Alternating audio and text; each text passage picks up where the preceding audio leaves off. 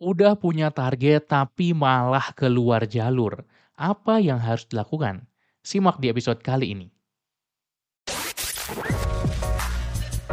Halo, selamat datang di podcast Cerita Pembelajar. Kamu akan mendengarkan cerita mengenai pengalaman, gagasan, dan pembelajaran. Season 13, tantangan 30 hari bikin kamu makin produktif.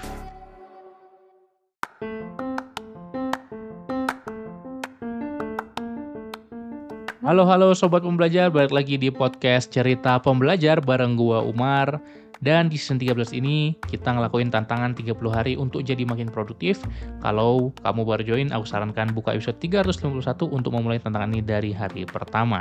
Hari ini kita udah masuk ke hari ketujuh dan semoga kamu sehat terus dan makin produktif dengan tantangan ini. Kali ini kita akan bahas tentang goal yang hilang. Apa maksudnya? Kita udah punya target, kita udah punya sesuatu yang mau kita capai. Tapi kita tidak semangat di tengah jalan atau ngerasa ini bukan jalan kita lagi dan kita mau beralih dari jalan tersebut. Apakah itu problem? Apakah itu nggak masalah? Mari kita bahas. Ketika kita memang sudah mengejar satu goal, satu target, satu pencapaian, sebaiknya kita perlu mengejarnya terus secara konsisten. Kita perlu melakukan yang terbaik untuk bisa mencapai si target tersebut. Tapi kalau memang jiwa kita udah nggak di situ lagi. Kalau memang kita udah mencoba, bukan baru mulai ya, kita udah mencoba, mencoba, mencoba, dan ternyata kita nggak memang ingin mengejar target itu lagi, it's okay kalau kita mengubah goal. Nggak masalah kalau kita mengubah targetnya. Kenapa? Karena kayak memang perubahan target itu umum. Istilah di situ pivot ya, jadi dari satu goal ke goal lain kita pivoting. Pertanyaannya adalah apakah karena lo emang nggak pengen lagi dengan goal tersebut atau lo nggak selesai aja atau lo nggak mampu aja atau lo nggak bisa mencapainya dan bingung caranya. Artinya lo masih pengen tapi lo keluar jalur. Itu yang berbahaya.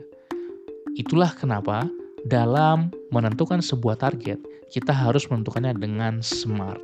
Singkatan dari S M A R T S spesifik M measurable L terukur E actionable R relevan dan T time bound ada deadline-nya Ketika kita sudah merancang goal dengan baik, maka yang kita perlu lakukan adalah monitoring. Kita perlu tracking goalnya. Kita perlu monitor goalnya. Gimana progresnya hari ini, pekan ini, bulan ini. Apakah aku sudah semakin dekat ke goal yang aku inginkan atau belum? Terkadang kita lupa dengan goal kita. Karena kita memang perlu selalu tracking and monitoring. Jadi untuk kita ingat dengan goal kita, ada toolsnya. Mungkin lo udah tahu. Dengan cara apa? Menuliskan goal, membuat dream book ya, buku impian kita, membuat vision board.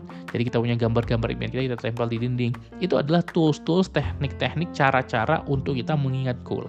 Tapi kalau untuk nge-tracking goal, itu beda lagi caranya. Kita perlu punya yang namanya progress tracker. Nah, progress tracker ini kita bisa catat, kita bisa gunakan sistem seperti Notion dengan progress barnya, dan ketika kita punya progress bar, kita punya satu tools visual yang membuat kita, oh aku udah sampai sini, aku udah sekian persen progresku. Sehingga kita bisa dengan terukur tahu kita di mana dan terus memikirkan cara untuk kita menambahkan persentasenya, untuk kita makin dekat ke goal kita, untuk kita selangkah lebih maju. Ini aku bahas banyak juga di Self Development Accelerator tentang bagaimana kita menetapkan goal, tentang bagaimana kita ke tracking goalnya.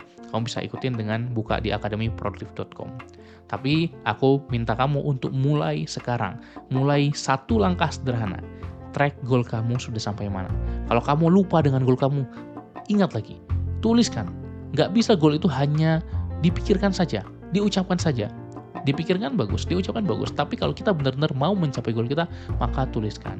Tuliskan di buku, tuliskan di kertas, tuliskan di post-it, tempel, hingga kita punya sebuah sistem tracker sebagai contoh, goal kamu apa? Goal kamu pengen punya 100 juta di rekening. Maka kita bisa punya tracker, itu mudah sekali karena kuantitatif.